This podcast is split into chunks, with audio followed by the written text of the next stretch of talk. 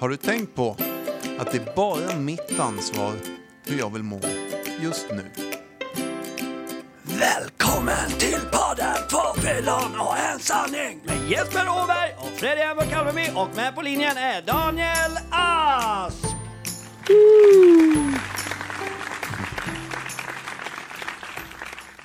Tja! Hej. Hej. Hej, tjena! Hej. Tjena. Du är med från början idag Danne. Har vi haft det någon gång? Att du är med på luren? Ja, Ja, inte in, ja, när jag var på plats då. När du var här, Jag har ja, precis. Det, och, ja, precis i hetluften. Vi säger som vi sa om Alkispodden att du har ju tjatat i veckor om att få vara med från början. Mm. Och äntligen så sa Tommy okej till det. Jag har ju känt mig utanför så länge nu. Ja, för Tommy som sköter liksom ljud och ljus och sånt där i vår studio här. Han är ju den största jävla bromsklossen och mest negativa människa jag någonsin har träffat. Eller hur Jesper? Det är helt korrekt. Så De det är- hans fel att inte jag fick vara med. Ja, det är faktiskt det. Det är alltid krångligt med tider och sånt där. Han, han kan aldrig spela in någon podd och sådär. Han är aldrig på plats och så. Han sitter aldrig och väntar på oss. Nej. Vi är ju alltid i tid. Han är aldrig kvar efter och eh, sp- sparar ner och redigerar. Och han har aldrig kokat kaffe när vi kommer heller. Nej. Eller Usch. bjuder på Jag knäckebröd. mår dåligt när vi sitter och pratar så här. Det är Ja. precis tvärtom. Det är det verkligen. Mm, Världens mest fantastiska människa. Och ABF, Arbetsutbildningsförbundet, Arbetarsförbund, eh, ABF i Nybro, borde vara jävligt stolta och ha en sån fin medarbetare. Jag är värdelös. Arbetarnas bildningsförbund. Där har du ABF. Tommy Elmgren.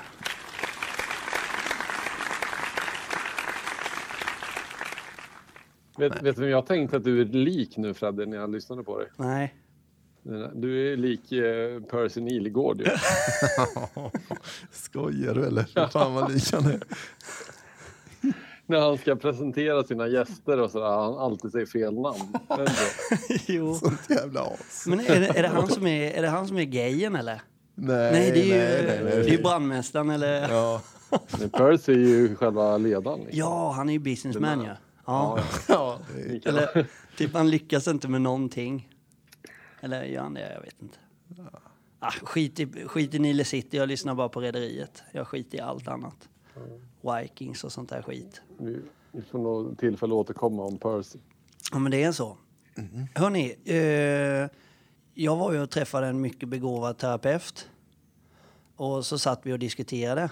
Och sen så kom vi fram till liksom ett, ett ämne som inte vi har berört så mycket. Som vi tänkte raljera lite kring idag. För det är ju inte så att någon av oss tre som pratar, för er som lyssnar nu, har de här dragen överhuvudtaget. Alltså beroendepersonligheten eller beroendepersonligheter. Nu är jag också ironisk. Jag, sluta, jag är ironisk hela tiden. Nu skiter jag i det. Det är ju klart att vi är det. i Allra högsta... tusen procent. Ja, men precis. Nej, men jag, jag tänkte bara börja. Jag har tagit fram en liten lista här då på sju eh, tecken eller sju personlighetsdrag som kännetecknar en eh, beroendepersonlighet. Då. Och då är, då är det sju stycken och den första lyder så här. Brist på engagemang är ett drag som betecknar en beroendepersonlighet. Nummer två är svårigheter med regler och auktoritet. Nummer tre. Lätthet till lögner är ett drag som betecknar en beroendepersonlighet. Pendlande mellan känslor av överlägsenhet och underlägsenhet. 5. Tristess och förtvivlan är vanliga drag som betecknar en beroendepersonlighet. Och sen då 6 och 7 då, då går 6 så här. Söker socialt umgänge i självdestruktiva miljöer. Och nummer 7 och avslutande personlighetsdraget är faller konstant in i överdrivna beteenden. Där har vi dem. Så behöver vi inte prata mer om det. Det var det. Tack och hej då. Tack kära lyssnare. ja, men vad säger vi om det här då? Alltså grejen är ju den att det här är ju en ganska het potatis inom det yrke jag håller på med. Så där. Det är ju, en så här, det är ju tudelad psykiatrin och missbruksvården där en hälften säger så här, nej men alltså det här med beroendepersonlighet existerar inte och det här med att man en person som har ett beroende ska ha en karaktäristiska personlighetsdrag som kännetecknar just en beroendeperson finns inte heller. Och sen har vi den här andra gruppen som säger jo men det finns visst sådana här drag och, eh, och ofta när man pratar med beroendepersoner själva som har nått någon form av självinsikt eh, kan väl ofta själva tycka så att jo men visst finns det där. Alltså att det finns en, en grupp av beteenden som man kan identifiera hos väldigt många beroendepersoner även om det finns vissa då som inte har alla och så vidare. Mm. Men, men eh, det är ju rätt intressant ändå att, att studera de här olika... Det finns ju fler saker vi kanske kommer kunna nämna idag. Och de som har den här, lider av den här beroendesjukdomen har fått någon liten distans till sitt eget beroende känner ju lätt igen sig i de här olika typer av exempel och beskrivningar, tror jag. Det är min erfarenhet. Alltså du menar de som har kanske tillfrisknat? När du säger precis, att de har fått dis distans? Eller vad ja, men precis. Ja. Att man har liksom kommit ut och varit lite frisk ett tag och, och kan börja titta på sig själv mm. i spegeln. Mm. så kan man kanske se att fan, jag har ju haft massa grejer fram under ganska lång tid. Och, och eh, jag tänker på ett sätt så behöver man ju nämna, alltså, jag tänker att vi kommer raljera en del eh, och ha mycket humor kring det, för det är rätt roligt ju eh, också. Men, men det finns ju en vettig, bu, vettig budskap som kanske ska nås fram också till de som lyssnar. Det är väl just det här att om jag inte vet om att jag kan gå runt och ha en beroende personlighet så, så finns det ju risk att jag fastnar i någonting annat jag slutar med ett beteende och att jag börjar med ett annat istället. Mm. Mm. Och det är väl vettigt att tänka att, att prata om. Mm. Och, och Jeppe hade ju faktiskt ett för några avsnitt sen. Jag tänker på nummer sju här som var jävligt kul när du gick i, i, i terapi. Det är ju riktigt stört beteende liksom. Men det är ju just vad det är. Det är ju ett sjukt beteende när du Alltså den här nummer sju då, när man faller konstant in i överdrivna beteenden.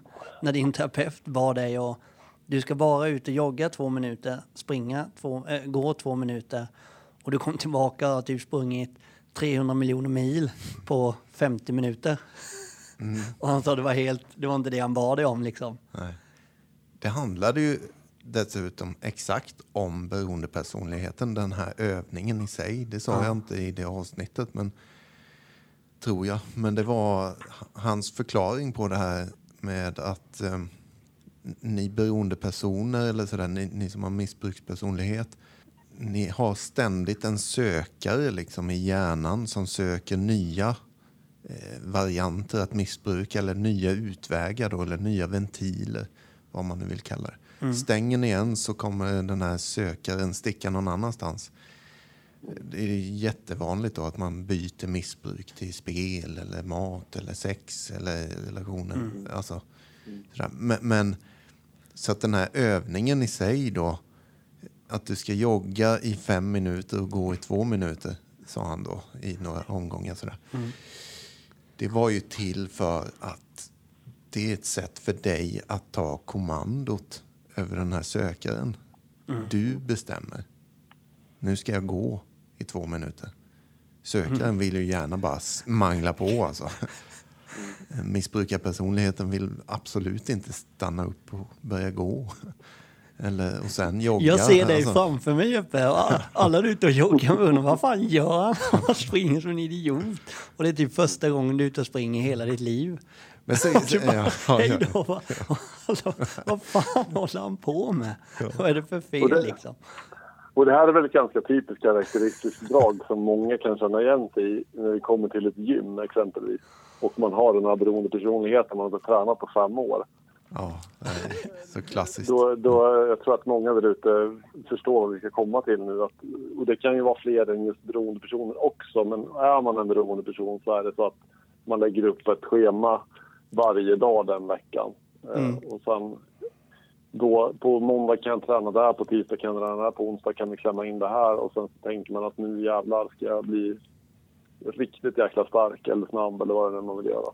Och jag tror också beroendepersonligheten, om jag bara pratar för mig själv när jag ska igång och träna, då ser jag också till att höra av mig till någon polare som har tränat mycket. Så jag får hans träningsschema. hans övningar eller hennes. Fast i det här fallet hans. Så jag överarbetar redan där innan jag ens vet om jag tycker det är kul. Plus att jag får ett kostschema och kanske till och med betalar honom 1500 spänn som min personliga tränare. Det är helt stört. För att sen träna sju gånger och tröttna. Åker ut och köper på nya löpardojor för tre och ett halvt Ja men precis. Och upp. Nike Vaporfly liksom som Ja, värst. Sen, om jag får kontra där då, så åker du sen till Maxi eller vad du nu handlar och så letar du efter den närmsta parkeringsplatsen till entrédörren. Du kan inte tänka dig att parkera lite längre bort så du får lite motion där nu när du har bestämt dig för att träna. Utan du måste fram närmast dörren. Ja. Men direkt nu när du bara sa sådär om parkering så snöade jag in mig på parkeringen. Det där brukar ju vara mitt beteende också. Att jag alltid ska hitta nära parkering. Jag har jättesvårt att eh, gå. Jag har börjat bli bättre på det så att ibland kan jag åka och ställa mig längre bort. Så, men, men, eh, så. Eh, nej men det finns en författare som heter Craig Nacken. Mm.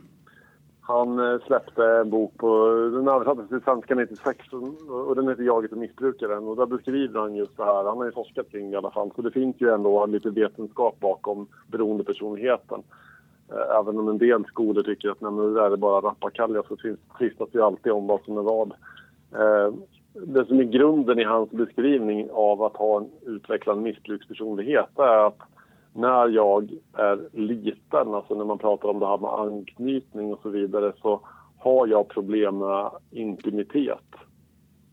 Och då betyder inte det sex såklart när man är barn, men det här med intimitet och alltså att jag får svårt med intima känslor eller att med beröring. Alltså jag har brister i min sätt att vara intim. Mm. Eh, och det innebär liksom inte fysisk beröring utan det handlar just om det här att få mina känslor speglade och härbärgerade. Eh, är jag ledsen så är det någon som kommer att trösta mig. Och det är ju klassisk anknytningsteori vi pratar om egentligen. Att jag behöver en, en vuxen människa som reglerar eh, mina känslor eh, på ett intimt sätt.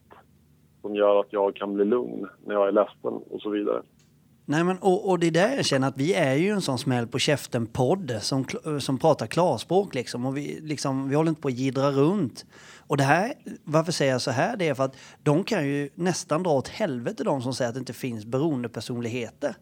För jag känner ju igen mig 110 procent. Och vi har redan pratat om parkeringen och nu det Danne refererar till en professor och det är självupplevda grejer. Så läser jag ju punkt nummer sex som också stod som jag hittat. Eh, eh, alltså som låter så här. Söker socialt umgänge i självdestruktiva miljöer. Och då kunde jag känna igen mig i det liksom att när jag var med en tråkig människa som jag uppfattade dem, för jag var ju så jävla rolig och ville ha full fart hela tiden. Jag såg nästan ner på dem och tyckte att din tråkiga jävel liksom och, och sökte mig till ett umgänge som inte var bra för mig på något sätt. Alltså vänner som kanske var dåliga vänner men det var full fart och när vi konsumerade alkohol så gjorde vi inte det över, över eh, och tog eh, en vatten och ett glas vin. Alltså det var mer, alltså jag sökte mig till de miljöerna som var destruktiva för mig. Och det, är- det är liksom, jag tänker också på det här att eh, svårighet till att uppleva intima känslor eller det här att känna på känslan ledsen eller känslan sorg eller känslan rädsla. Det ju, innebär att jag måste vara i ett spektrum av mig själv där jag faktiskt har tillgång att känna efter. Eh, och det är det som går tvärt emot beroendepersonligheten för jag befinner mig hela tiden i ytterligheter. Alltså det här, det är allt eller inget. Eh, antingen så är allting topp eller så är allting skit. Och i de här ytterlägena så existerar det inte känslor överhuvudtaget. Utan där är det, antingen är det eufori eller så är allting bara skit. Eh, och, och det är där jag blir bekväm att vara i. För resten är jag jag ju ingenting av. Eh, och, då, då blir det liksom det här med tristess och förtvivlan och, och det här som också var ett tecken va? Ja, men jag sitter faktiskt och läser det nu, det är punkt fem där. Den känner jag också igen mig i. Jag vet inte, vad säger du om den Jeppe? För när man läser vidare där så står det alltså tristess och förtvivlan, liksom, att, att det skulle vara beteckna beroendepersonligheter. Och om det nu då enligt de här förståsigpåarna som säger att det inte finns beroendepersonligheter så, så, så är det där när man läser vidare att de blir ofta uttråkade och tröttnar mycket lätt på nya grejer. Eller när de har gjort en grej ett tag så nu är inte det kul längre. Man är en startupper liksom. Man drar igång saker och sen rusar man vidare liksom. Och där har ni i princip Freddy Amber och Kalmeby ett nötskal. När jag var liten så, så jag har ju alltid haft fotboll som huvudspåret liksom. Det har alltid funnits där. Men sen har jag ju testat på sporter alltså. Och om det var, fotboll hade jag som eh, liksom main, main sport, fotboll. Sen var det pingis. Då gav jag mig fan på pingis. Jag bara köttade pingis. Jag skulle skaffa pingisbord hemma. Jag skulle ha pingisrack och jag skulle träna eh, så mycket pingis jag bara kunde. Och blev jävligt bra i det. Sen slutade Freddy. Sen började jag hockey. Samma sak där. Fotbollen är lite i bakgrunden hela tiden och jag tränar det också. Och sen bara rullade det på så här. Pingis, hockey, bågskytte, mountainbikecykling, motocross, eh, eh, skytte, eh, luftgevärsskytte, eh, mauserskytte. Allting till exurdum och sen bara sluta. Du har Jo, tänkt på hur jävla bra kunde jag ha blivit på fotboll om jag bara fokuserade på fotboll? Helt nördigt bara fokuserade på fotboll. Jag vet inte. Jag tänker på en sak Danne, jag hörde att du ville säga något men jag slinker emellan här. Ja, det skulle jag. Ego-Jeppe. Som stod med på någon punkt här. En sån här skittråkig kommentar jag fick någon gång av någon klok människa var ju så här att ni missbrukare, ni, det verkar som att ni behöver lära er att ha tråkigt. Mm. Och fy fan vad jag hatade den kommentaren. Ja. Nu blir jag Men, jävligt... ja precis, och det blir man ju. Men det är så spot on Ja. vad vi behöver lära oss. Jag tror ju att exempelvis hade du kunnat ha tråkigt Freddy så hade du förmodligen bara blivit en Zlatan. För att det är där skon klämmer tror jag. Vi blir lite uttråkade på att bara hålla på med fotboll. Så jag måste göra något annat också. Och sen blir det tråkigt. Nej, då testar jag lite bågskytte. Nej, det blir tråkigt också efter några veckor. Och sen går jag på gymmet. Jag köper ju alltid ett årskort då för 5 000 spänn eller något sånt där. Och så tränar jag så satan i en månad. Sen ligger det där årskortet. Alltså, det, Jeppe, tack. För, alltså, tack Jesper Åberg. Va- varsågod. Din jävla gud. Och, det, och jag har sagt det till dig också Danny, att under de här åren nu, snart två år som man har varit nykter, har man lärt känna sig själv på ett helt annat sätt. Och man får svar på varför har jag gjort som jag gjort, varför har jag tänkt som jag har tänkt. Och precis i detta nu, älskade, kära lyssnare, så har jag fått svar på varför jag var som jag var. För jag har funderat på det. Jeppe, jag var ju uttråkad. Exakt. Tack Jesper! tack, tack, tack! Jesper Åberg! Ehm, en sak som många beroende personer känner igen sig i, inklusive jag själv, om jag drar ett eget exempel, det är just den här känslan av att luftslottet ska sprängas och spricka. Den här luftbubblan jag har byggt upp mitt liv på. Oh my god vad jag känner igen mig. Hu. Just det här att, att jag hela tiden utåt sett så har jag en väldigt stort självförtroende. Jag ser ut att vara framgångsrik och jag kanske ljuger till och med som var ett av de här delarna också och, bygger upp saker. Eh, men hela tiden har jag känslan av att fan snart kommer någon se hur det egentligen ligger till. Eh, och, och däremellan pendlar jag ju från att fasen idag kändes som en bra dag. Idag lyckades jag hålla det här och till och med bygga upp det lite till. Men en, en annan dag så känner jag att fasen nu var det någon som kanske kom på mig. Och den känslan är ju aldrig skön. Äh, fy fan alltså, den är hemsk. Jag, alltså det är så sjukt att du säger det här nu. Dels att du glider in på tredje, trean på min lista och vi pratar precis om fyran. Men det du tar upp, att när, när avslöjar de mig? När får jag gå ner med skämskudden på? Här är losen Freddy. ni, ni kom på mig. Jag kände så två första åren med, när vi eh, började bygga företag. Att trots att vi var jävligt framgångsrika och vi, vi växte och vi körde på och vi gjorde massa saker rätt så var jag hela tiden liksom, när fan kommer de på mig? Hela tiden. Det är helt sjukt ju. Ja. Och gå runt och bära med den äckliga känslan. Men jag tänker liksom någonstans att när jag väl har... Det, jag tänker att ett missbruk av olika slag är ju någonstans ett symptom på att någonting annat inte står rätt till. Och det är just det här med känslor som ni pratade mycket om i förra avsnittet. Det är att göra den här inventeringen och storstädningen med mig själv. Och när jag väl har börjat gjort det och börjat liksom känna att självkänslan kommer tillbaka, jag faktiskt kan titta mig själv i spegeln och känna att ja, men fast jag duger verkligen som jag är. Och lita på det också, att det här livet börjar komma tillbaka och självkänslan blir lite högre. det är ju först då jag börjar också kanske minimera mitt behov av att agera ut i olika beroende personlighetsdrag. Att fly från, från allt som, som är känslor och verklighet. Så att det är ju, man behöver inte ha alla möjliga olika tusen lösningar utan det är oftast en lösning på, på det här att, att jobba liksom med, med sin självkänsla och, och sitt sätt att hantera sina känslor, tänker jag. Så jävla bra sagt, Anna.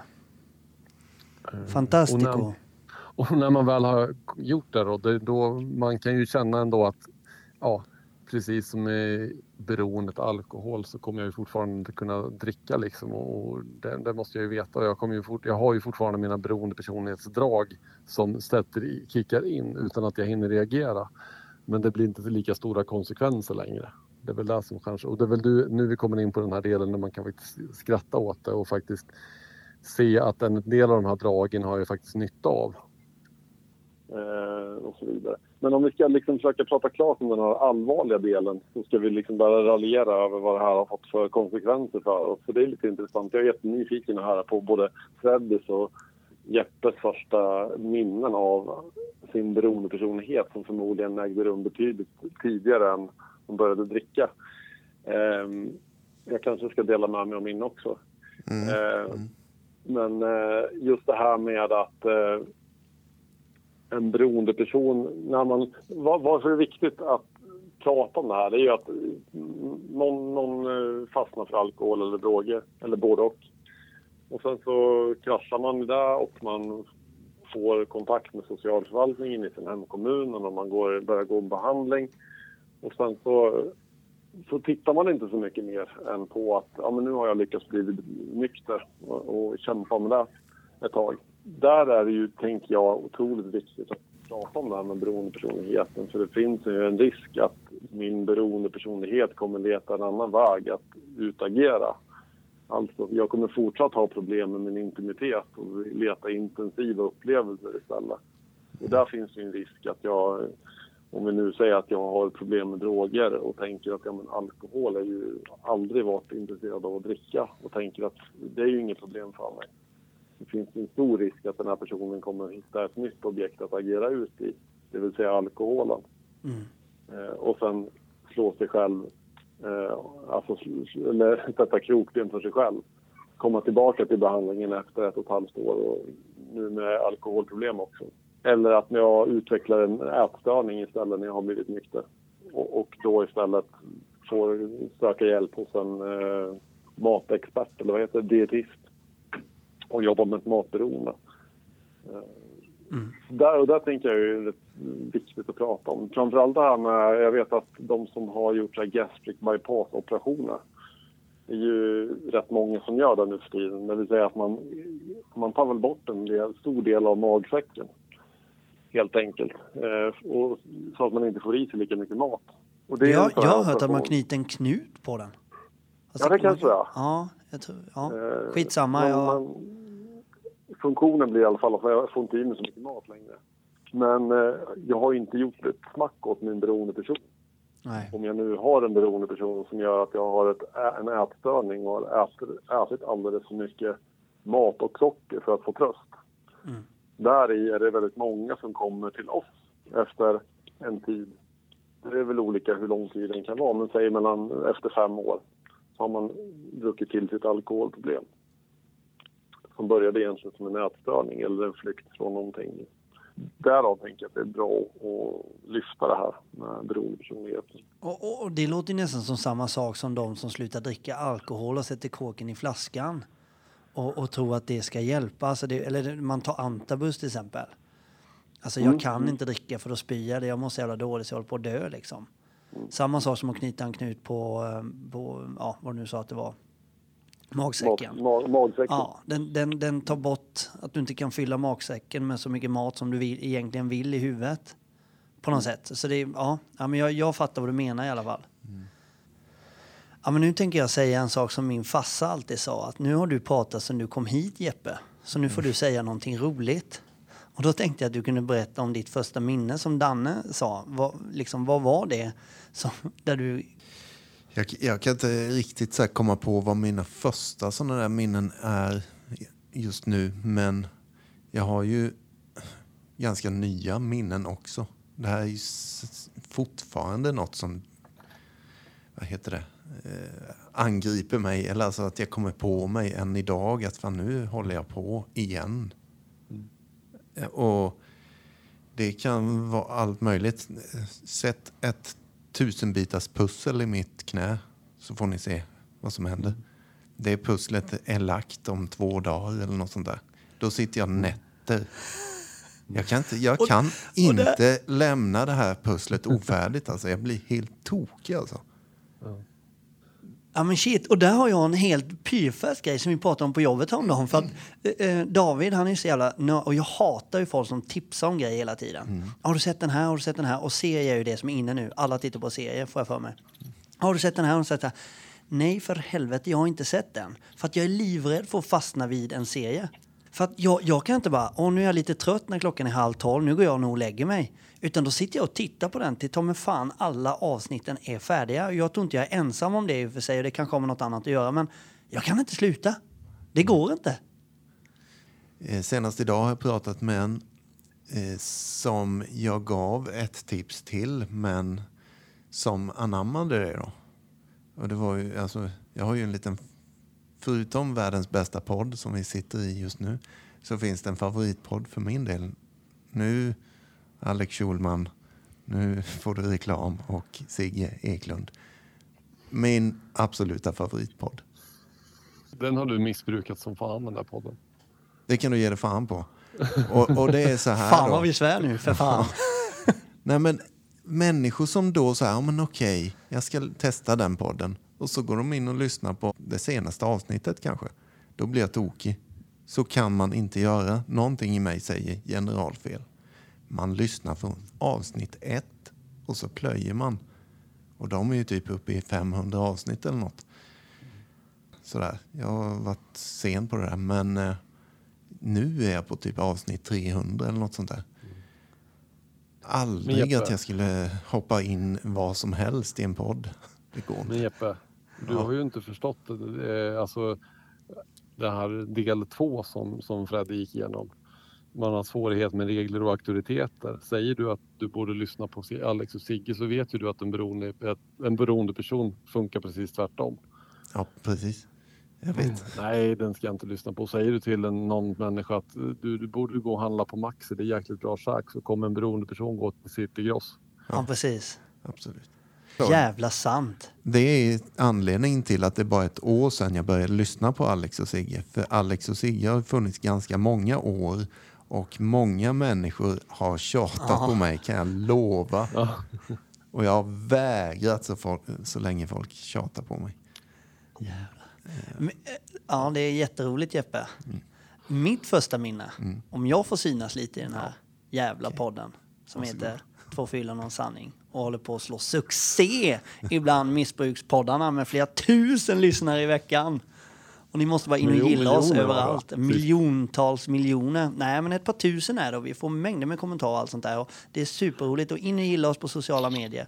Och följ oss på Podbean och Spotify och överallt där vi finns. Kommer ni ihåg de här gamla på den tiden, jag har inte Facebook kvar, men på den tiden som man hade Facebook och nytt så kom det ju massa Facebook-spel. Ja, ja, jo, jag minns. Typ det fanns Farmville och så fanns det ett spel som hette ja, ja. Fishville. Ja.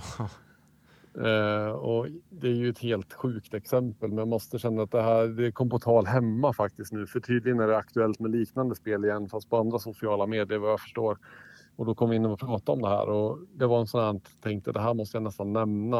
Uh, jag gick ju med, vi var några i, runt i familjen och släkten som började spela det här spelet Fishville, där det handlar om att egentligen bara gå in och mata fiskar i en digital värld och det var totalt meningslöst. Men grejen är att spelutvecklare fattar ju hur man får folk på kroken och blir beroende. Det innebär att man lägger in ett levelsystem som finns i World of Warcraft också som är världens mest beroende, de kallar det dataspel.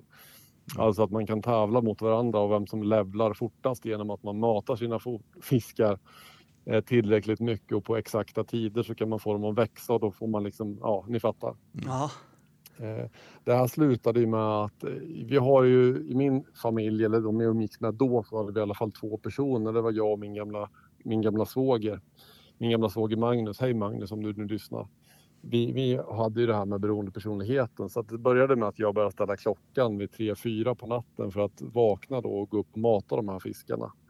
Så att liksom tävlingen typ slutade med att det var vi två som överlägset bara drev, drev iväg i, i, i level. De andra hade inte en chans. De Det här är så Danne. Och sen till slut så märkte jag att han drog iväg liksom. Så då var jag tvungen att ringa honom. Alltså vad fan, vad håller du på med? Och då berättade han att ja, jag måste fan erkänna. Jag har, då hade han ju gått in med vanliga pengar och bara köpt massa sådana kistor och på sådana specialgrejer till sin typ bakgrund till fiskakvarier och grejer. Så att, så att, ja, det slutade ju in, in absurdum fullständigt där och det var när jag började ställa klockan på tid, alltså på natten och gå upp liksom, fast jag var jä- jävligt trött och behövde och jobba så då kände jag att nej men nu får vi nog lägga ner det här. Ja. Men du jobbar som terapeut sa du? Nej, vad, vadå? Vad, nej, nej, nej. Du har ljugit om det. jag har gått till en låtsasmänniska. Ja, det, vi har alla fel och brister. Ja, men jag har bara en Te- grej. Jag... Terapeuterna är de värsta ska ni veta. Ja, det är riktiga, riktiga bågsvin. Det borde inte finns finnas. det mycket dolt kan jag säga. Ja, usch ja. Ja, men så har jag tänkt hela tiden, varje vecka när jag träffar dig. Vad döljer du din jävel? När ska du berätta sanningen? Hur dåligt du själv mår? Fick du, fick du lite nu? Ja. Ja, men du, jag, jag har bara en grej då. För när jag var liten så, Jeppe nu får du gärna lyssna lite här. Ja, där fick jag kontakt med honom. Han sitter och viker och grejer. Ja, men då är det så här då. Svara på det här då, du som är så duktig. När jag var liten så cyklade jag hela tiden. Alltså emellan alla de här träningarna så var det enda jag gjorde det var att cykla. Cykla, cykla, cykla. Vi bodde rätt långt ner på landet då. Och upp till området där polarna var, det var typ 3,5-4 kilometer. Enkel resa. Så jag hade alltså styvt 7 kilometer fram och back för att bara leka.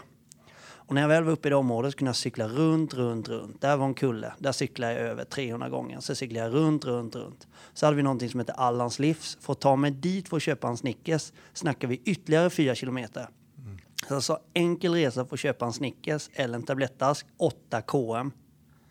Tillbaka 1,6 mil. Och då har jag då säkert rundat kvarteret 500 varv. Varför höll jag på så? Och vi pratar inte en dag, vi pratar typ varje dag. När min cykel gick sönder så snodde jag storebrorsans cykel.